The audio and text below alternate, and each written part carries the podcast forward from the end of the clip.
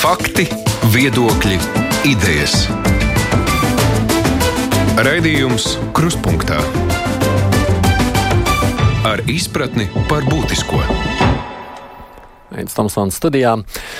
Es cenzēju Facebook. Es šodien lasīju šādu vārdu salikumu vienā citā sociālajā tīklā, Twitter, kur viens man pazīstams cilvēks šādā veidā izpauda protestu pret algoritmu, algoritmu kādā Facebook dzēš savu lietotāju ierakstus.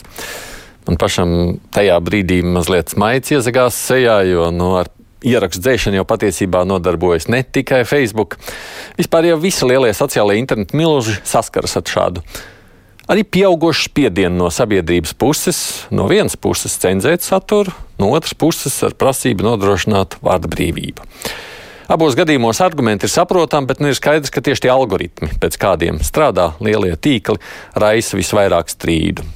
Runa ir gan par to, kādu informāciju tie piedāvā lasīt, gan par to, nu, kādā veidā tie reaģē uz ierakstiem.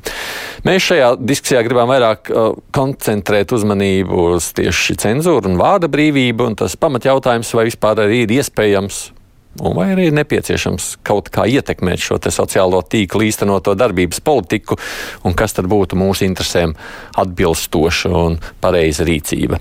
Tā kā šī nav tikai Latvijas problēma un ietekmē droši vien sociālos milžus, vai labākajā gadījumā Eiropas līmenī, tad mūsu raidījumā šodien arī piedalās Eiropas parlamenta deputāta Dats Melbārda. Labdien jums! Labdien! Eiropas Savienības tiesas tiesnesis Ina Ziemeli pieslēgsies mūsu raidījumam. Sveicināti! Labdien! Valsts prezidenta padomniece kultūra politikas jautājumos Sarmītē Lert. Labdien! Labdien! Un portāla Delfi galvenā redaktora pienākuma izpildītājs Filips Lastovskis. Sveiks, Filip! Labdien! Portāls Delfi. No arī Facebook lietotāju vidū tiek diezgan bieži vien lamāts, teiksim tā, jo esat kļuvuši par vienu no informācijas pārbaudītājiem Facebookam. Lai nebūtu pārpratumu vispirms, tad atgādinu mums, Filip, ko vēlreiz, ko nozīmē tas, ka jūs esat faktu pārbaudītāji. Mm, nu, primāri tas nozīmē, ka mēs esam žurnālisti. Un, teiksim, tā mēs arī iepriekš Facebook iniciatīvām esam nodarbojušies ar faktu pārbaudas satura radīšanu. Taču kopš pērnā gada mēs esam viens no Facebook partneriem, kas palīdz pārbaudīt faktu precizitāti populāros ierakstos Facebook. Ko tas nozīmē? Jūs tā kā paši meklējat, jūs atrodat, jūs kāds piesauc? Tas ir gan, gan. Tātad viens, viena iespēja tā, ka Facebook mums piedāvā tūli, tādu kā rīku, kurā tas ģenerē potenciāli maldinošus un viltus ierakstus. Tad šis rīks nav precīzs. Tas savā saturā iet, iet, ietver arī jokus, kaut kādas populāras mīmes, Instagram vai citas sociālo tīklu zvaigznes. Reizēm trāpās arī īsti. Līdz ar to lielākoties tas ir Delphi žurnālistu manuāls darbs, vērojot šīs te, virālās satura tendences un pārbaudot tā satura. Mm -hmm. Un tad jūsu tiesības ir dzēst, vai jūsu tiesības ir tikai kaut kā rēģēt? Dzēst tiesību nav šādu. Mm -hmm. ne, ne, ne portālam Delfi, ne arī mēdījam Rebaltika, kas ir otrs mēdījis ar šo partneru statusu. Uh, tas, ko mēs varam izdarīt, mēs varam pielikt klāt birku par to, ka šis saturs ir vai nu, patiess, nepatiess, daļēji patiess, uh, satīrisks kā arī pieliekam klāt savu rakstu, kurā mēs paskaidrojam, kāpēc. Mēģinām paskaidrot tā, tā, to tādā veidā, lai jebkurš lasītājs izlasot, saprastu, vai varētu arī pats atkārtot šo pārbaudas metodiku. Mm -hmm.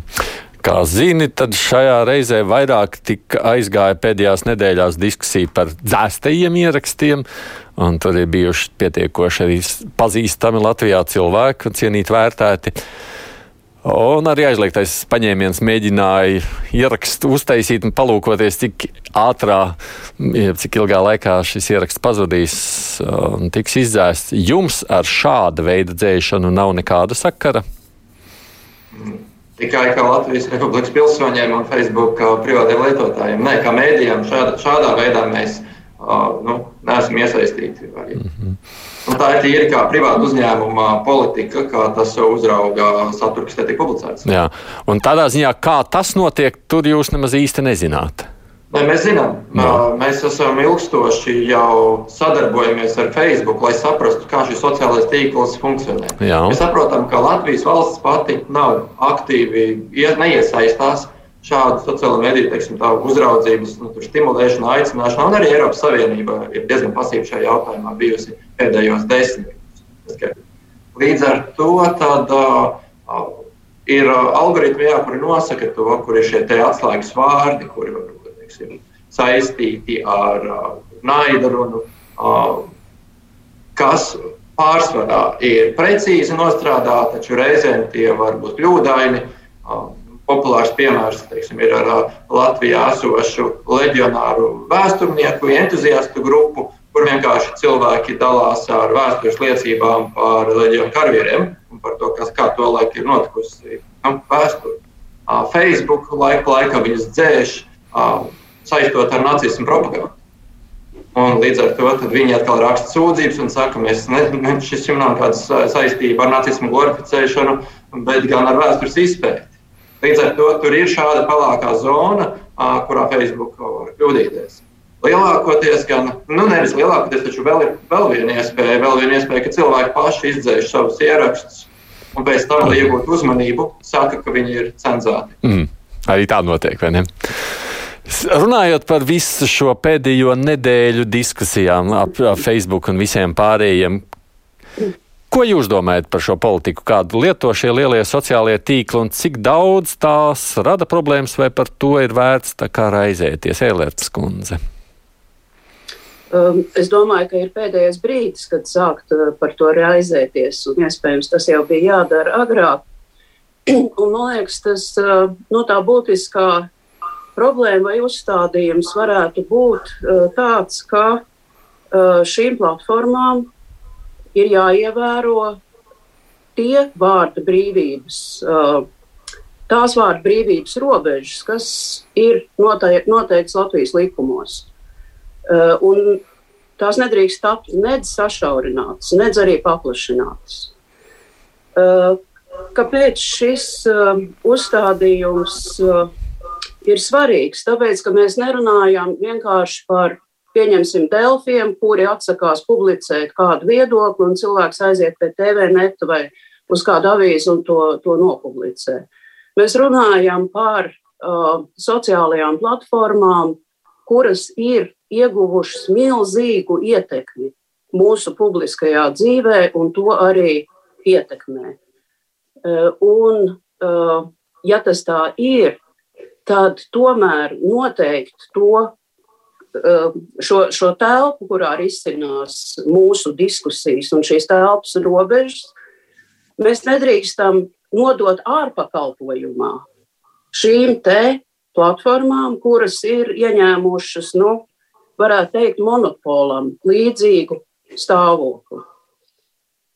Un, attiecīgi, mums ir jādomā, kādā veidā mēs varam aizstāvēt savu uh, pilsoņu tiesības gan uz vārdu brīvību, gan arī, ar, gan arī uz to, lai nedz uh, noteikts pilsoņu grupas netiktu diskriminētas tā vai, vai citiem iemeslu dēļ, un es šeit runāju par naidu.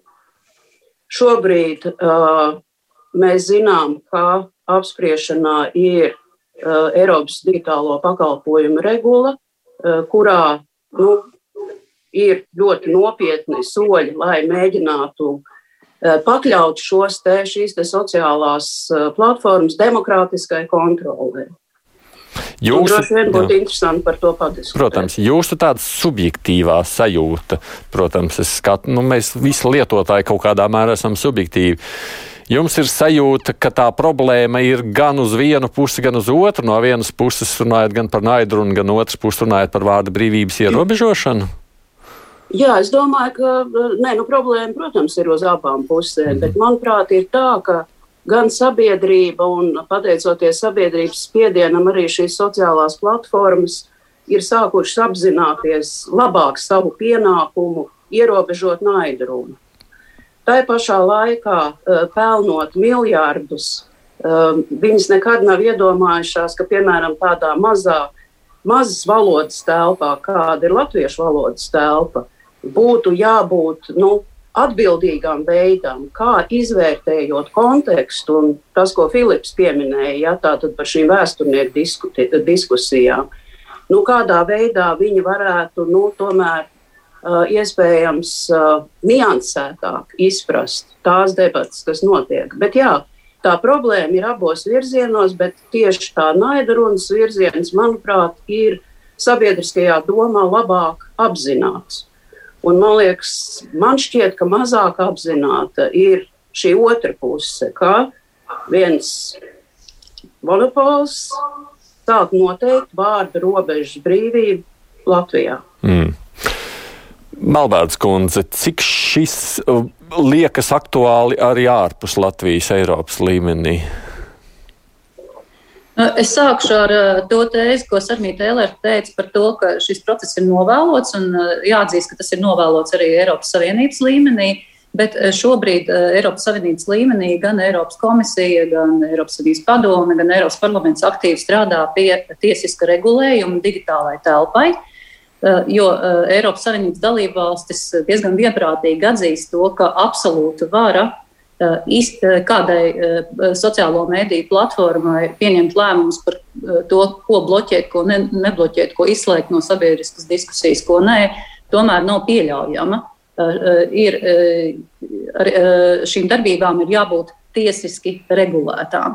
Bet ir diezgan skaidrs, ka grūti ir radīt nu, pilnīgu regulējumu sociālajām platformām uh, nacionālā līmenī. Tas, protams, nav neiespējams, bet uh, tomēr ir ļoti svarīgi, ka Eiropas Savienības dalība valsts strādā kopā.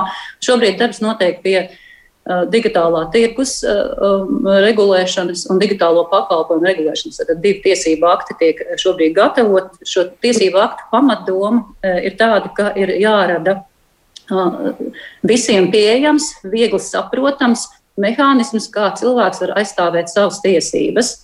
Tiesības uz vārdu brīvību, un ir jābūt arī skaidram mehānismam, saprotam, ka, kuros brīžos un kāpēc platformas pieņem lēmumu kādu dzēst vai bloķēt. Un tad vis, šiem noteikumiem ir jābūt skaidriem. Jebkuram, gan atvainojos par klišēs, ko teicienu Tantei Bauskā, gan varbūt kādam ierēdim Briselē. Uh, tas nozīmē, ka ir eh, jā, eh, šī sistēma jāpielāgo visdažādākajām kultūrām un valodām, lai, lai, lai cilvēkiem tiešām būtu šie noteikumi skaidri un saprotami. Tas nozīmē arī risināt jautājumu, kas saistīts ar valodas un kultūras kontekstu, jo šobrīd patreizējā praksa skaidri parāda, ka diskusiju partneris par pārkāpumiem pretīm ir kaut kādi chatboti, īpaši tas skar mazās valodas. Jo, Tur, kur ir uh, sociālā mediju platformas uh, nu, lielajās valodās, tur tiek risināti cil dzīvi cilvēki, pretīm ar kuriem ir iespēja sarunāties un diskutēt. Bet, uh, attiecībā uz mazajām valodām, diemžēl, šīs sistēmas ir automatizētas. Tāpēc arī šie, šis jaunais regulējums paredzēs to, ka ir jābūt, nedrīkst būt pilnībā automatizētas šīs sistēmas. Tāpat tiek izcelts arī konteksta nozīme, ka ir jābūt iespējai analizēt šo kontekstu, nevis vienkārši automatizēti analizēt. Tāpat ir tiks dots ļoti stingrs uzdevums platformām tajā brīdī, kad tiek veikta kāda izdzēšanas vai bloķēšanas darbība, uzreiz nodrošināt skaidrojumu, kāpēc. Un, tālāk jau ieslēdzas nākamais mehānisms, ja cilvēku neap, ne, neapmierina šis skaidrojums, ir jābūt pirmkārt iekšējai saprotamai procedūrai, kā cilvēks var apstrīdēt šo lēmumu. Ja tālāk cilvēkam neapmierina tas, tā atbilde, ko sniedz sociālais mēdījis par to, kāpēc ir dzēšas konts, un viņš joprojām uzskata, ka nav pamatoti.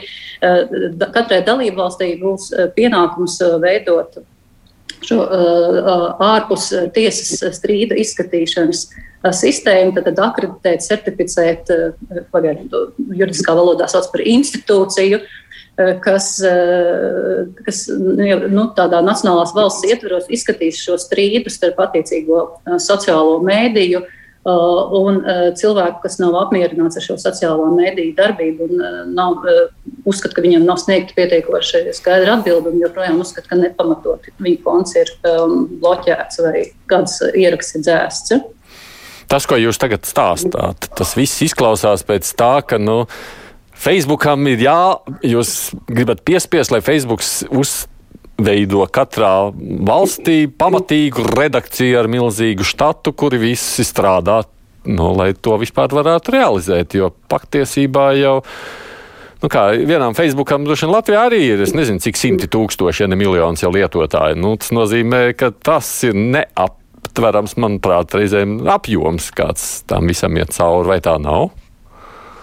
Sāksim ar to, ah, ja drīkst, sāksim, ja, sāks, sāksim ar to, ka, ka, ka šie sociālai mediji, ne tikai Facebook, gūst pietiekami liels ieņēmums. Mēs labi zinām, ka arī tradicionālo mediju ieņēmumu pēdējo gadu laikā ir krietni krišņās. No reklāmām pārvirzījušies mm -hmm. uz sociālajām platformām. Ja mūsu tradicionālajiem mēdījiem līdz šim ir bijuši ļoti skaidri noteikumi un atbildība attiecībā uh, uz, uz dažādiem ētiskiem jautājumiem, vārdu brīvību un tam līdzīgi, šādiem noteikumiem ir jā, jābūt arī sociālos mēdījos. Šeit nedrīkst būt kādam privileģēta situācija. Un, eh, ja cilvēki, ja, ja, ja kādai kompānijai pieder tik liela vara un spēja piesaistīt liels miljonus no reklāmu ieņēmumiem, ir jābūt arī atbildībai par to, kā šī vara tiek īstenota. Tā skaitā attiecībā uz vārdu brīvības aizsardzību un demokrātijas eh, aizsardzību kopumā. Mm -hmm. Elērs Kundze. Uh, jā, es gribēju teikt, ka mums nebūtu jārūpējās par Facebook izdevumiem, jo gal galā ja viņi ir spējīgi uzstādīt arī vienu izspiegošanas eh, mehānismu, kas pēc būtības profilē tevi, lai varētu eh, piegādāt un labāk pelnīt no pārdotajām reklāmām, tad es pieņemu, ka viņi varētu arī uh, izmantot uh, savus algoritmus, lai labāk sevi pārbaudītu un uzmanītu, ko viņi paši dara. Bet uh, es gribēju varbūt vienu vien tikai vēl repliku papildinot datus teikto, ka šī tomēr digitālā servisa uh, regula paredz pienākumus pašām platformām, bet kas tomēr ir, manuprāt, ļoti svarīgi un tas ir pozitīvs solis.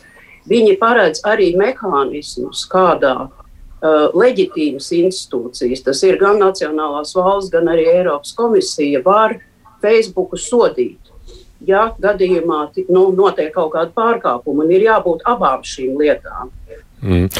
Ziemeļs kundze, tad, kad savukārt norit diskusijas gan žurnālistu vidū, gan arī reizēm tīri sabiedrības vienkārši dažādos lokos. Parasti saka tā, nu labi, Facebook jau nav medijs. Nu, uz viņiem jau attiecas mazliet citādāks tā izpratne nekā uz pārējiem. Nu, lūk, te medijas, jā, viņi atbild par to, ko viņi runā, bet Facebook jau nav medijs. Ir nodalāma atšķirība vai nav? Nu, jā, um, nu šis stāsts ir, ir liels, tā vēsture jau visam ir diezgan gara. Un, protams, ka Latvijā varbūt mēs neesam tā zināmā mērā analītiski par šo diskutējuši. Man būtu ļoti daudz ko stāstīt, sākot ar, ar Delfijas spriedumu, kurā es pati biju sastāvā Eiropas cilvēktiesību tiesā, jo Eiropas līmenī viss sākās ar Delfi lietu, lai cik tas nebūtu mm -hmm. interesanti. Ja? Pirms daudziem gadiem, tajā, jāsaka, vai ne? Tieši tā, saprotiet, tā vēsture šiem jautājumiem jau vismaz ir desmit gadus gara. Tas viss sākās ar to, ka runa bija sociālās platformas, dod uh, burvīgu iespēju cilvēkiem īstenot savu vārda brīvību. Un sākotnēji vispār, ja es paskatos uz apvienoto nāciju organizācijas mehānismiem, kur šī saruna aizsākās, toreiz vispār bija runa par to, zinot, ka režīmi pasaulē ļoti dažādi, ne tikai demokrātiski, kā tas ir Eiropas Savienībā. Toreiz uh, ANO institūcija ietveros uzstādījums bija, ka vajag ļaut šīm platformām vienkārši būt, lai katrs runā, ko grib, mhm. jo tad arī parādās iespēja, protams, opozīcijai, dažādiem politiskiem viedokļiem, kur citādi tas nav pieejams. Un tikai faktiski um, Eiropas valstu, jo mūsu kultūra telpā tomēr ir tāda izteiksmes brīvība, kas ir skaidri un gaiši aizliegta. Proti, tā ir naidaruna. Tā ir kurināšana, vardarbības kurināšana, ja, kara kurināšana. Tā ir arī tātad, tāda runa, kas acīm redzami diskriminē kādas cilvēku grupas pēc aizliegtajiem kritērijiem. Nu, lūk, un šeit nāk tas Delfijas spriedums iekšā. Tad pirmo reizi mēs Eiropas līmenī pateicām, ka ziņu portālam Un tur ir tā atšķirība, starp citu, starp Facebook parādās un ziņu portālu. Ziņu portālam kā Delfī, protams, ir lielāka atbildība tiešām uh, filtrēt pie uh, ziņām, tātad publicētos uh, šos te uh, komentārus un, at, jā, un attīrīt no naida runas. Tajā lietā tā bija acīm redzama uh, naida runa. Bet tas, ko Eiropas cilvēktiesība tiesa ir pateikusi, un ir arī, piemēram, uh, nes, nesens uh, nolēmums pret Lielbritāniju uh, attiecībā uz Google. Ja? Un uh, ir tātad, nu, lielajās valstīs uh, tiesu procesi notiek, un notiek jau labu laiku, un tiesneši jau ir iemanījušies izsvērt un novilkt šīs robežas, kur tad ir vārda brīvība, pat ja viņi ir šokējoši. Un šie komentāri, piemēram, eh, blogos, ja, ir ļoti briesmīgi, bet Lielbritānijā konkrētās lietas ietvaros tā latiņa uh, cik lielus briesmīgos komentārus, teiksim, tu kā publiska persona vari paciest. Tā latiņa ir ļoti augsta. Es paskatoties uz britu komentāriem, domāju, paldies Dievam, es esmu Latvijā, un tie komentāri, kas uz manīm attiecās, tie vēl ir ciešami. Ja? Bet tātad šī tiesu prakse ir. Francijā arī ir tiesu prakse, un tik tiešām par cik nepastāvēja vienotais Eiropas standarts, un neņemot vērā Eiropas vērtības, mēs tomēr mēģinājām arī Vācija valdība tātad un likumdevējs likumdošanas procesa ietvaros, mēs tomēr mēģinājām šīs robežas vilkt, kura uh, izteiksme ir aizliegtā, acīm redzama, jo tā ir pretēja mūsu vērtībām, un kur mēs uh, pilnīgi noteikti sociālās platformas kā papildus iespēja vārda brīvības uh, īstenošanai, protams, ka viņām ir jāpastāv, viņa ir paplašinājusi, platformas ir paplaš, paplašinājušas vārda brīvību, jo nokontrolēt to nevar. Tas nepastāv vienas jurisdikcijas ietvaros. Um, nu, par to, kā teiksim, Facebook vai Google ievēros vienas valsts uh, likumus, tā ir liela, liela problēma. Vienīgais, uh, ko var izdarīt, uh, tas tiešām ir vienotais Eiropas standarts, bet tad, protams, visa pasaule pastāv. Un patiesībā mēs uh, starptautisko tiesību ietvaros, kur šī saruna arī jau ļoti sen notiek, uh, esam piedāvājuši, ka tas ir jautājums par vienu uh, starptautisko konvenciju, kur tiek risināti arī jurisdikcijas jautājumi, kur tiek risināts, kura institūcija, kurā gadījumā, kura tiesa vispār var skatīt konkrēto strīdu. Jo, ja strīds ir Lielbritānijā, bet Google, teiksim, mītnes zeme ir Amerikas Savienotās valstis, kādā veidā Lielbritānijas tiesas nolēmums šajā gadījumā neradās šī problēma, bet kādā veidā tad Amerikas Savienotās valstis izpildīs Lielbritānijas tiesas spriedumu. Juridiski, ņemot vērā, ka robežu šeit vairs nav šiem šīm multinacionālajām kompānijām. Ja? Tas ir ārkārtīgi sarežģīts jautājums, un par to tik tiešām tiek runāts jau ilgstoši. Nu, proti, Bet, jūs sakāt, ka tas ir būtībā jārisina starptautiskā līmenī, jā, visu jā, valstu obligāti. līmenī jau. Tas ir, tas ir obligāti, bet mm -hmm. uh, tas, kas uh, ir, ir vēl jāsaprot, ka Kāpēc Facebook vispār ir sācis, ja par konkrētajiem gadījumiem, kas mani nošokēja, jo pēc viņu politikas, dzēšanas politikas, teiksim, konkrētajiem ierakstiem nevajadzēja būt dzēstiem. Es tiešām to nesaprotu. Ja? Un šeit tik tiešām Facebook ir nodarbojies ar nepieļaujamu cenzūru, ne tikai atbilstoši satversmei, bet arī no Eiropas teiksim, kopējo standartu viedokļa. Es domāju par Eiropas cilvēktiesību konvenciju.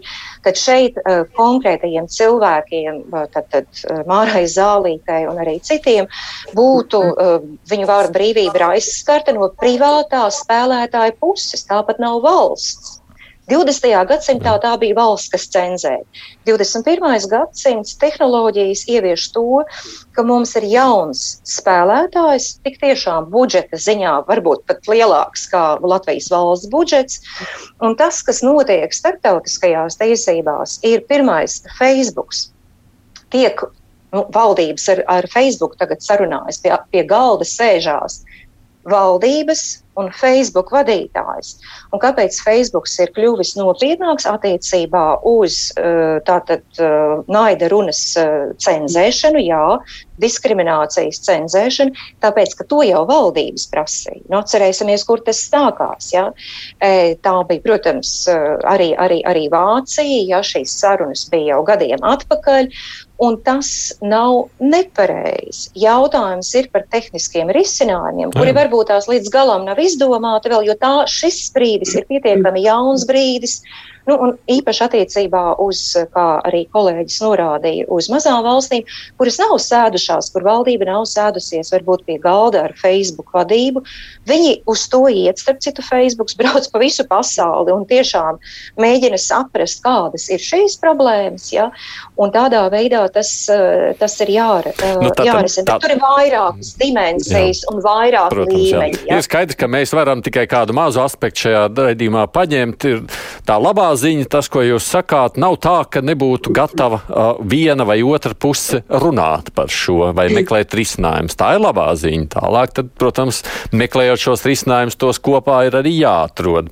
Es atgādināšu tikai uh, no tiem, kas vēlāk pieslēgušies, ka šī ir saruna mums par lielajiem interneta gigantiem un viņu politiku īstenoto runājot par vārda brīvību. Šeit piedalās Inet Ziemel, kas ir Eiropas Savienības tiesas tiesnese, Dācis Malbādi ir Eiropas parlamenta deputāts deputāts, Armīta Ēlērta ir valsts prezidenta padomniece un Delfi galvenā redaktora pienākuma izpildītājs Filips Lastovskis. Raidījums Krustpunktā lai arī zinu, ka tā ir ļoti sarežģīta tēma, un tur mēs arī varam iesaisties uz ilgi, tomēr ņemot vērā nu, arī skatoties, ko man klausītāji raksta, droši vien mazliet mums par to ir jāparunā. Kur tad ir tā vārda brīvības robeža, cik tālu mēs viņu tomēr saprotam? Un drīkstiet, es ņemšu to no pašreizējās pēdējās aktualitātes, kas savstās saistās ar uh, Covid un vakcināciju. Mēs redzam pietiekoši aktīvi, it īpaši Facebookā un citos sociālajos tīklos, nu, tās cilvēku daļa, kas saka, ka visi šie mēdīji pārējie, kas ir nu, tā tad kā viņus, lai nu, pareizāk nosauktu, nu, Delfi, sabiedriskie mediji vispārīja, nu, kas nav īsti mediji, jo viņi tad ir vienpusēji slēpj patiesību. Mēs tagad dzimstam jaunai, beidzot atmostamies jaunai brīvībai, lai saprastu, kas ir īstā patiesība. Un top šādi te nu, nezinu, alternatīvie mediji. Sauksim to tā, viņi viņus sauc par alternatīviem medijiem paši savu. Un tur tā robeža, kurā brīdī tu saproti, cik tālu tajā robežā tu, tu vari skatīties, tas ir jautājums, kurā man pat kā vienam parastam mediju cilvēkam reizēm ir grūti saprast. Nu, vakcinēties vai nē, vakcīnas ir kaitīgas vai nē, cik kaitīgas vakcīnas. Kāpēc vajadzētu aicināt nevakcinēties visiem? Ja? Ar kādām lietām mēs brīdinām vai baidām, ja jūs vakcinēsieties, ar ko tas beigsies? Nu, proti, kur tā robeža ir novelkama un vai to vispār tādā, pieņemsim, Facebook vidē? Es vakar sekoju līdzi vienai līvi tiešraidēji daudz skatītājiem par alternatīviem medijiem, kā pasaule mostas, lai beidzot atklātu patiesību par Covid afēru. Un mēs zinām, viss šis noskaņas, kādas valda vienā lielā daļā sabiedrību. Tur var vispār nospraust to robežu vārdu brīvībai vai nevar? Protams, ja es drīkstu, tas ir tīri juridiski vērtējams jautājums. Un, jāsaka tā, tas juridiskais algoritms paliek tas pats. Ja, jo arī uz platformām vai, vai interneta ziņu mēdījiem attiecās tieši tie paši principi, kas, kas attiecās uz teiksim, iespiestajiem, ja, uz, uz avīzēm, žurnāliem. Proti, uh, vārda brīvība ir nu, ļoti, ļoti plaša, arī šokējoša. Arī tie viedokļi, kuriem es nepiekrītu, es, protams, nepiekrītu tam, ka uh, vakcīnas ir bīstamas un ka ir sazvērstības teiksim, teorija. Tam es absolūti nepiekrītu, bet tāda viedokļa pastāv. Un tas, kas ir pamainījies, kā jau teicu, šis, šie sociālie, mm, sociālās platformas, šie tehnoloģiskie risinājumi, viņi tik tiešām ir pamainījuši vārda brīvības iespējas. Proti, mēs katrs to, ko mēs pie sevis nodomājam, tagad mēs to paužam publiski un tūlītēji un ļoti lielam cilvēku lokam. Tā ir realitāte. Un līdz ar to vārda brīvības robeža salīdzinājumā ar 20. gadsimtu tehnoloģiju rezultātā viņas ir pamainījušās, un tur nevarēs neko uzreiz ierobežot, varēs pēc tam noņemt. Šeit vienmēr mēs būsim kaut kur iepakaļus. Ņemot vērā to, tajā brīdī ja, nu, ir ļoti grūti izkontrolēt arī tam algoritmam, vienkārši kaut ko nenopublicēt.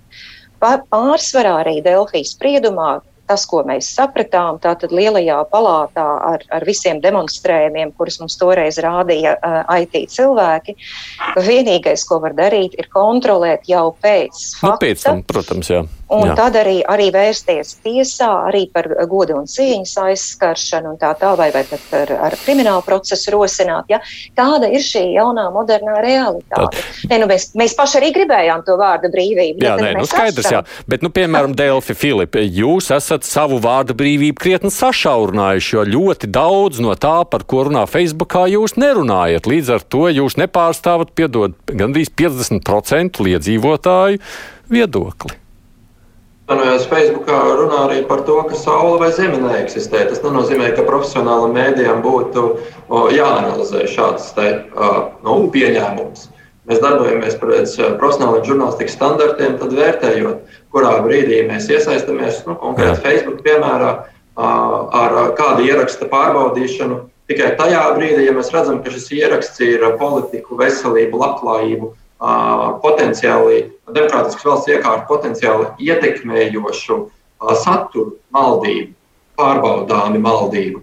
Un tikai tajā brīdī mēs to pār, teiksim, strādājam ar šo materiālu. Ja šis materiāls, teiksim, nezinu, viņš iegūst 50 šērus vai, vai 100, un viņā, piemēram, būs teikts, dziesmu svētki Latvijā nekad nenotiks. Tad mēs vienkārši viņu nepārbaudīsim, jo šis skaits, šī viralitāte viņam ir tik zema, ka viņi vienkārši turpina dzīvot savu dzīvi tāda, tāda vispārēja pāraudzība nav, manuprāt, iespēja. Tāpēc ir jānosprauž šīs robežas, kādā laukā mēs varam strādāt. Un to Jā. esam izdarījuši arī mēs. Nu, tas nozīmē, ka katrs beigās jau medijs pats nosprauž savas robežas. Jūs nospraužat savas. Bet es gribētu teikt, ka vai tas būtu sabiedriskais mēdījis, vai Baltika vai Delfi, mūsu žurnālistikas standarti ir augsti. Jā. Un tāpēc tie ir universāli, un tiem, tiem nevajadzētu, un tiem nedrīkst būt atšķirīgi. Jā, bet nu, mēs redzam, mums ir atšķirīgi starp mums, pieņemsim, un Facebookā, kur tās robežas ir krietni plašākas, un Elerts kundze sarauc Jā. pieri. Jā, nē, es eh, gribēju eh, turpināt eh, jau Filips sākto. Tāpēc tik ļoti svarīgs ir mēdīju plurālisms, mēdīju daudzveidība. Mm -hmm. Jo Delfiem var būt viena redakcionālā politika, un, piemēram, Latvijas avīzē cita. Un tas tieši nodrošina tā, tā bīstamība, tā papildus bīstamība, kuru, kuru ir radījušas šīs sociālās platformas, protams, un tā skaitā tā reklāmas politika, ka mūsu šis mēdīņu plurālisms ir ļoti noplic, noplicināts. Un tas ir tas, par ko valstī ir jāuzņemas liela atbildība. Bet tomēr, eh, vēl turpinot to jautājumu par robežām, robežas nosaka satversmi. Robežas nosaka starptautiskās konvencijas, kuras Latvija ir parakstījusi, kur ir diezgan skaidri eh, teikt, teikts, ka vārda brīvība tātad ir nosprausta, satversme saka, ka cenzūra ir aizliegta, un to ierobežot var. Ja šī vārda brīvība apdraud citu cilvēku tiesības, vai, vai, vai teiksim, apdraud sabiedrības drošību, kas ir konkrēts, eh, konkrēti attiecināms uz dezinformāciju Covid sakarā. Un tas, kurš pārbauda, jo vien, vien, vienmēr šī robeža jau nebūs, nu, viņa nav zema. Viņa nav uh, ievilkta strīpa zemē. To pārbauda tiesa. Tāpēc jau ir tiesa, kura pārbauda, ir vai nav pārkāpts. Un tā bīstamība uh, ar ko mēs sākām šo sarunu, ir, ka šo Facebook vārdu brīvības robežu spraušanu nepārbauda tiesa. Un mēs šobrīd esam to kā ārpakalpojumu atdevuši vienam starptautiskam koncernam. Un vienu pamat demokrātijas vērtību un brīvību tu nedrīksti atdot kā ārpakalpojumu. Kas nozīmē, jā, tūlīt došu Belbērs kundz. Jūs sakāt, ka tas galvenais šajā visā ir stāsts, ka tad, ja ir strīds, pieņemsim, nu, kā te viens klausītājs raksta, nu, ko man darīt? Ko es tāds mazs cilvēks Facebookā var izdarīt, ja man ierakst izdzēš? Atšūs labākajā gadījumā, ja atsūtīs robotizētu atbildi. Nu, prot, tieši šīs strīda risināšanas jautājums ir droši vien tas, nu, tas primārais šādā situācijā. Elēts kundze. Jūsuprāt, to, to, to uzmanību vajadzētu vērst tieši uz šo? Nē, nu es domāju, mums ir jāpatur uh, plašs skats gan uz naidu runu, ar Jā. kur mēs nedrīkstam ļaut piesārņot, gan uz to, ka tiek ierobežota vārda brīvība. Mm. Uh, un, uh, kas, man, manuprāt, šajā te, uh, projektā esošajā uh, digitālā uh, servisa regulā, pie kuras strādā Eiropas Savienība, ir uh, diezgan labi izstrādāts divi mehānismi. Pirmais, uh, Facebooka paša, vai principā sociāla tīkla, mēs te runājam it kā vairāk par vienu. Uh, pienākums noteikt skaidrus, caurlūkojams standartus, plus leģitīmām nacionālā līmenī valstu ieceltām vai arī Eiropas komisijas līmenī iespēja Uh, vērsties pret Facebook, ja šīs robežas netiek ievērotas. Tas, kas šobrīd, manuprāt, nav pietiekami skaidri izrakstīts šajā regulā topošajā, ir tieši tas jautājums, ko Aidis uzdeva. Ja, es, ja mani kā privātu personu ierobežo, ierobežo manu vārdu brīvību, kas ir tas mans īsais, ātrais, taisnais ceļš, lai atjaunotu savas tiesības? Uh -huh. Ja man ierobežo tāpēc, ka es esmu un nodarbojusies, tur tas mehānisms, manuprāt, ir labs ierakstīts. Bet šī otra puse nav -huh. pietiekami nostiprināta, un priekš tā mēs esam Eiropas Savienības dalībvalsts, lai piedalītos šīs regulas izstrādē. Bet, bet Jā. patiesībā elementi pastāv. Arī šobrīd jau pastāv elementi Eiropas Savienības tiesībās, tas tomēr ir pakalpojumu sniegšanas jautājums. Tātad tā ir privāto tiesību juridiskā persona, kurai mītnes zeme ir Amerikas Savienotās valstis, kuras sniedz pakalpojumus Eiropas Savienības dalībvalstīs. Pakalpojumu sniegšanai ir noteikti, teiksim, kritēriji Eiropas Savienībā. Un tas var būt arī patērētāja aizsardzības centra teiksim, modelis, jā, jo tas ir tas, par ko mēs runājam. Tā kā, nu, tur Amerika nav ļoti jāizdomā juridiski juridiski jā, ir tie mehānismi, ir pieejami. Viņi, protams, jāpieņem likumdošanas procesā. Jautājums ir par to, kā Eiropas Savienība ar šīm kompānijām, kuras atrodas Amerikas Savienotajās valstīs, un tas vienmēr ir bijis dažādās dzīves situācijās jau iepriekš, par visādiem sarakstiem un tā tālāk, kā mēs ar Ameriku šo risinām. Mm. Malbērts, kā jūs grasījāties ko teikt? Eh, jā, es gribēju šajā diskusijā varbūt no cita aspekta paraudzīties uz vārdu brīvību un tās aizsardzību. Jo tas, kas man liekas, mums jāsaprot, ka vārdu brīvība un demokrātija nav jāaizsargā tikai regulējot digitālo telpu. Eh, es teiktu, ka arī citi mehānismi un citi aspekti ir pietiekoši būtiski. Un, eh, ja mēs šeit runājam par vārdu brīvību, nevajadzētu aizmirst, ka arī pastāv citas vispār cilvēciskas vērtības, humanās vērtības, ko arī aizsargā starptautiski un nacionāli likumi. Uh, un uh, tad tajā brīdī, kad mēs pielietojam šo savu vārdu brīvību, mums ir jāspēj pielietot, arī, pielietot un izprast arī pārējās vērtības, tā skaitā cilvēka cieņa.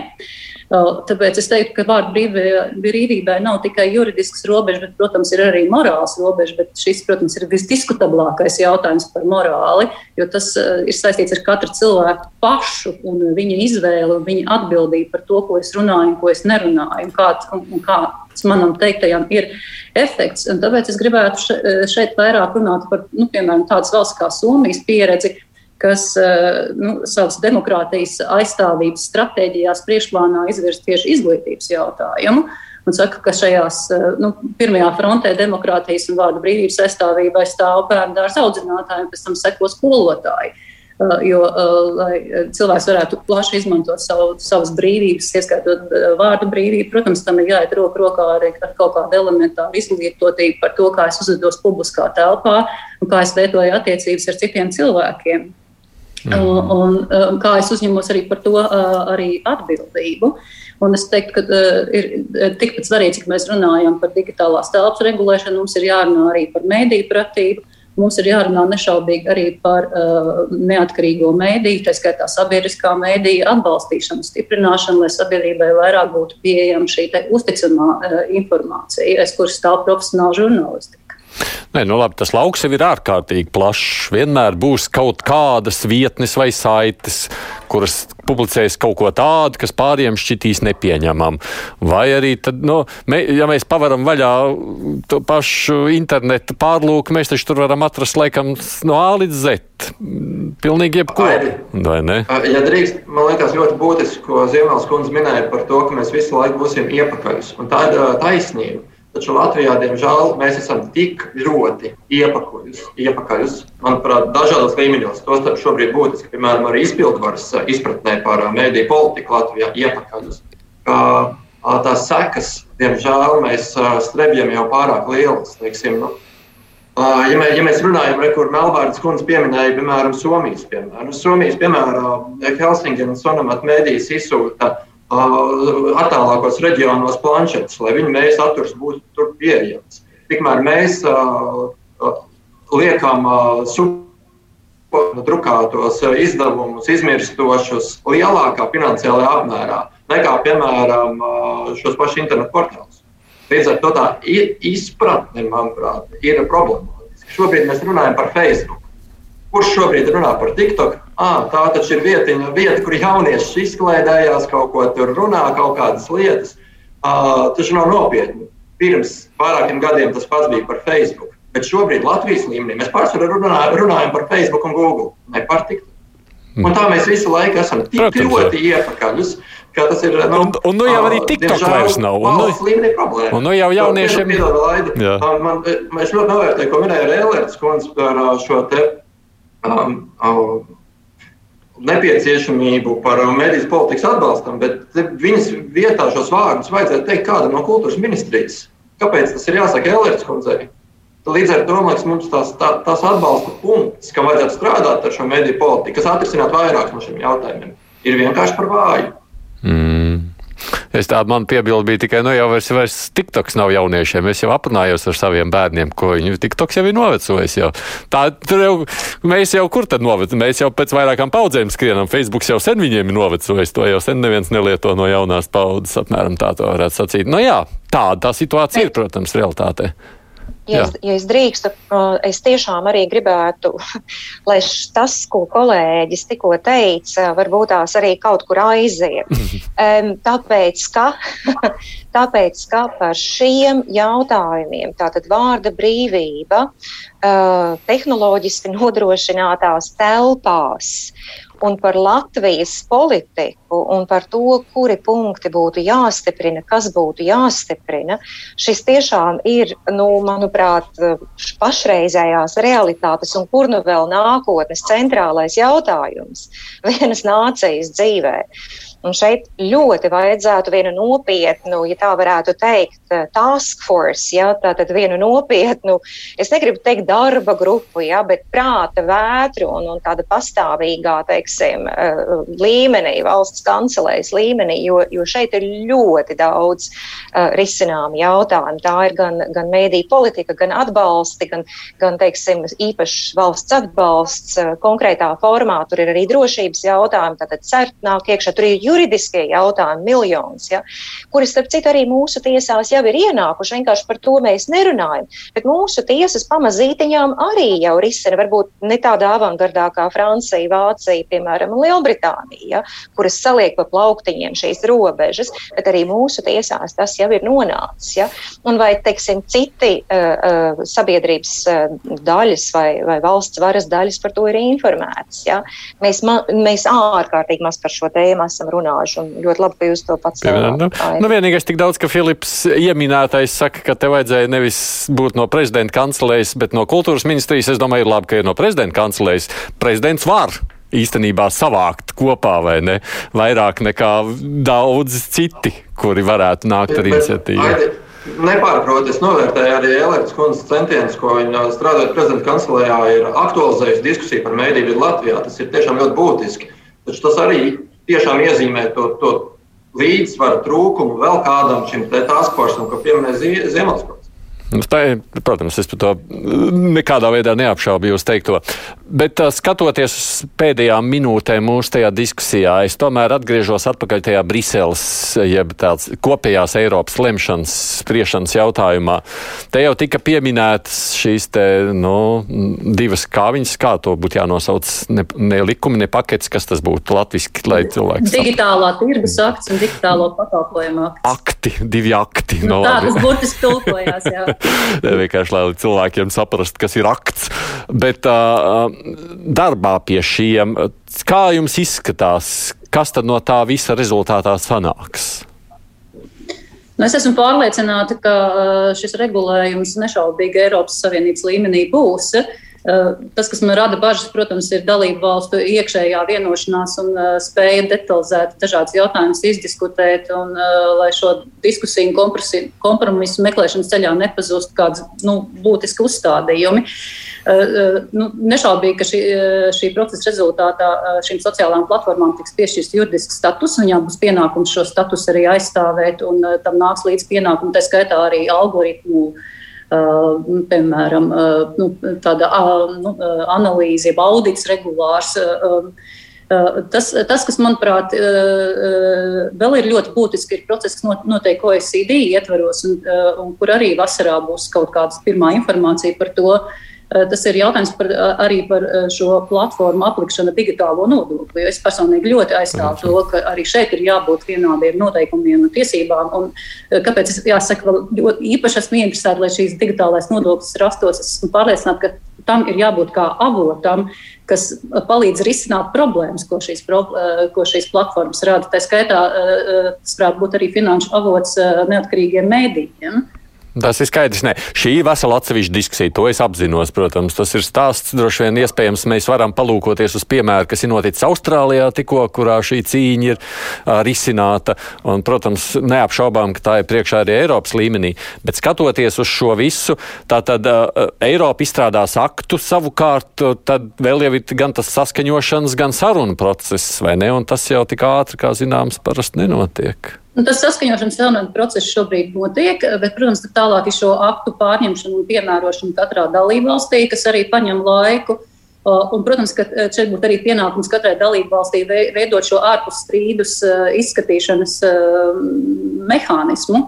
Eh, kur arī būs jāsertificē eh, kāda vietējā institūcija, kas eh, izskatīs šo strīdus tajā brīdī, kad pašu sociālo platformu nebūs iespējas vienoties. No nu jā, no tas tā... paņems laiku, tas nav labi, bet tas nozīmē, ka paralēli ir ļoti svarīgas sabiedrībā šīs diskusijas, un ir droši vien arī citas institūcijas, kuras var izmantot, lai, lai uh, problēmas aktualizētu un arī tā skaitā vārdu brīvību aizsargātu. Vai varētu būt no pieredzes, Ziemelis Kundze, ka jūsuprāt tiesu nu, darbi, jeb tiesāšanās varētu un vajadzētu pieaugt šajā vārdu brīvības aizstāvēšanā Latvijā? Ir, ir pieaudzis. Es to jums uzreiz varu pateikt gan Eiropas Savienības tiesā, ja manā pašreizējā tiesā, Uh, ir virkne tātad, sākot ar Google Spain, un tagad nākamā lieta jau uh, izspriesta no Francijas saistībā ar Google, proti šajā gadījumā vairāk ar to, ko var dzēst, ko nevar dzēst, datu aizsardzība, ja visās šajās platformās,